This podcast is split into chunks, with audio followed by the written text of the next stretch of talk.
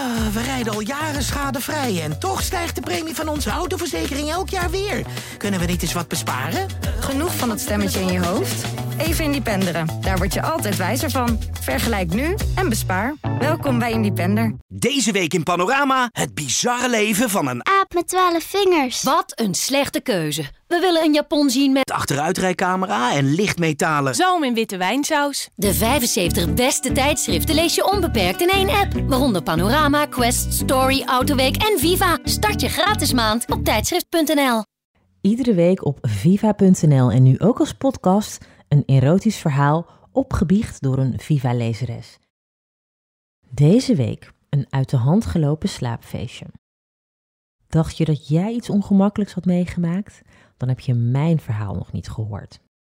Een vriend die ik al zeker zes jaar ken, zou na een feestje bij mij blijven slapen. Hij woont in het zuiden en ik in Utrecht. Er was een feest in Tivoli Vredenburg, de poptempel van Utrecht, dus nou hartstikke gezellig, dacht ik. Konden we samen naar het feestje gaan, gewoon vriendschappelijk. Ooit hadden we een date gehad, maar toen merkte ik al vrij snel dat ik liever gewoon vrienden met hem wilde zijn. Dat begreep hij. Zo nu en dan hadden we contact. That's it. Ik zocht er dan ook niets achter dat hij die avond tijdens het feest bij mij bleef logeren. Voordat het feest begon, dronken we samen met een aantal vrienden wat bij mij thuis. Met die ene vriend ging het ook helemaal top. Blij dat er geen ongemakkelijke spanning tussen ons hing en fijn dat hij begreep dat we gewoon vrienden konden zijn. Maar toen we eenmaal op het feest waren, kwam mijn dronken ik naar boven. En ik kan je vertellen, naast het feit dat ik dronken ben, ben ik op deze momenten ook enorm horny. En je kan het misschien al raden, dit gevoel zorgde ervoor dat ik mij op een of andere manier aangetrokken voelde tot hem.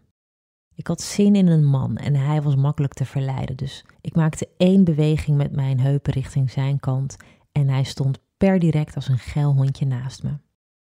Natuurlijk hapte hij meteen toe en hup, daar stonden we te zoenen. Midden op de dansvloer, tussen alle feestende en dansende mensen. Met de harde muziek bonkend in onze oren.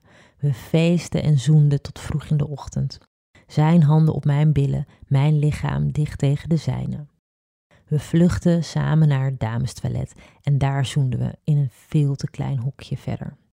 Ik wilde meer en gleed met mijn handen naar beneden en probeerde zijn riem los te maken. Ik hoorde zijn zware ademhaling hijgend in mijn nek. Net op het moment dat ik zijn broek losmaakte, bonkte iemand hard op de deur. Onmiddellijk eruit komen jullie, dit willen we hier niet hebben. We schrokken ons dood, maar kregen door de spanning juist een enorme lachbui. Snel knoopte hij zijn broek dicht en opende de deur. Daar stond de bewaker met een boze blik naar ons te staren en een lange rij meiden die afkeurend naar ons keken. We waren zo rood als een tomaat en we liepen zo snel als we konden de wc's uit. Al snel stonden we weer op de dansvloer, maar hoe dronken en geil ik net nog was, het gevoel was alweer een beetje weggevaagd.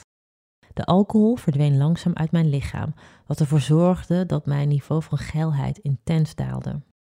De aantrekkingskracht naar mijn vriend toe verdween en daarbij, ik was moe. Ik had geen zin meer om op het feest te blijven en zei iedereen gedag. De rest wilde namelijk nog blijven en ook die ene vriend had geen zin om naar huis te gaan. Ik lag in bed, maar slapen lukte niet. Ik voelde me schuldig tegenover hem. Ik had hem totaal verkeerde signalen gegeven en was bang dat hij, wanneer hij straks thuis zou komen, dacht dat hij een geile avond tegemoet zou gaan. Natuurlijk was dit allemaal mijn eigen dikke stomme fout, dus je begrijpt, ik baalde. Niet veel later kwam hij thuis. Ik hoorde mijn slaapkamerdeur opengaan en precies zoals ik had verwacht, zat hij nog helemaal in de flow van een paar uur geleden. In de vibe dat we niet van elkaar af konden blijven en meer zoenden dan dansten. Ik deed alsof ik sliep, maar hoe goed ik ook mijn best deed, het mocht niet baten. Hij kroop dicht tegen me aan en ik voelde zijn ontblote bovenlichaam tegen de mijne.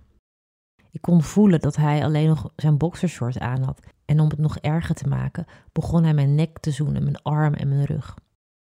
Ik wilde dit helemaal niet, maar gek genoeg voelde deze aanraking ook eigenlijk wel weer fijn.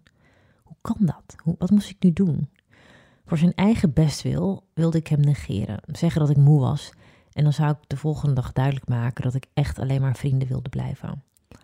Of zou ik gewoon meegaan in deze seksuele spanning om te zien waar het schip zou stranden? Ik koos voor het laatste. liet zijn lippen mijn nek aftasten en zijn handen mijn lichaam ontdekken. Ik draaide me om en zocht zijn lippen in het donker. We zoenden, lang en teder. Hoe weinig zin ik een paar minuten geleden had, hoe fijn vond ik het nu. Toch, het duurde me eigenlijk te lang. Het bleef bij zoenen en zijn handen gingen niet verder dan mijn dijen. Ik wilde actie. Trek mijn shirt uit, raak me aan, dacht ik. Om zelf actie te ondernemen, kroop ik op hem. Ik nam de leiding en ging met mijn hand richting zijn kruis. Ik wrong in zijn boxershort op zoek naar zijn stijven. Ik schrok toen ik voelde dat hij niet al te groot geschapen was. Eigenlijk heel klein. Misschien was ik op dat moment gewoon nog dronken of misschien ben ik gewoon heel erg egoïstisch. Maar het enige gevoel wat bij mij opborrelde was afkeer. De aantrekkingskracht verdween als sneeuw voor de zon en ik had totaal geen zin meer om met deze man te vrijen. Ik weet het, het is niet netjes, maar ik kon niets anders dan mijn hand wegtrekken en mezelf van hem afduwen. Ik brabbelde iets als: Ik ben heel erg moe en ik denk dat ik echt wil slapen. Keerde mijn rug naar hem toe en met een groot schuldgevoel viel ik in slaap. De volgende ochtend, toen we wakker werden, zei ik dat ik me niet lekker voelde en dat hij maar beter naar huis kon gaan. Ik heb hem nooit meer gesproken, nooit meer gezien. En ik denk dat het naar deze avond ook maar beter is. Wil jij ook je erotisch verhaal delen met de rest van Nederland? Stuur je verhaal met maximaal 400 woorden naar redactie.viva.nl met Dirty Little Secret als onderwerp. De beste verhalen publiceren we op viva.nl. Nu in Nieuwe Revue, zon, zee... En zoete aardappels met honingmosterd. Even opschuren en twee keer afvlakken met... Oom Donald, kwik, kwek. En een lekkere dikke Linda. De 75 beste tijdschriften lees je onbeperkt in één app. Waaronder Nieuwe Revue, Margriet, VT Wonen, Donald Duck en Linda. Start je gratis maand op tijdschrift.nl.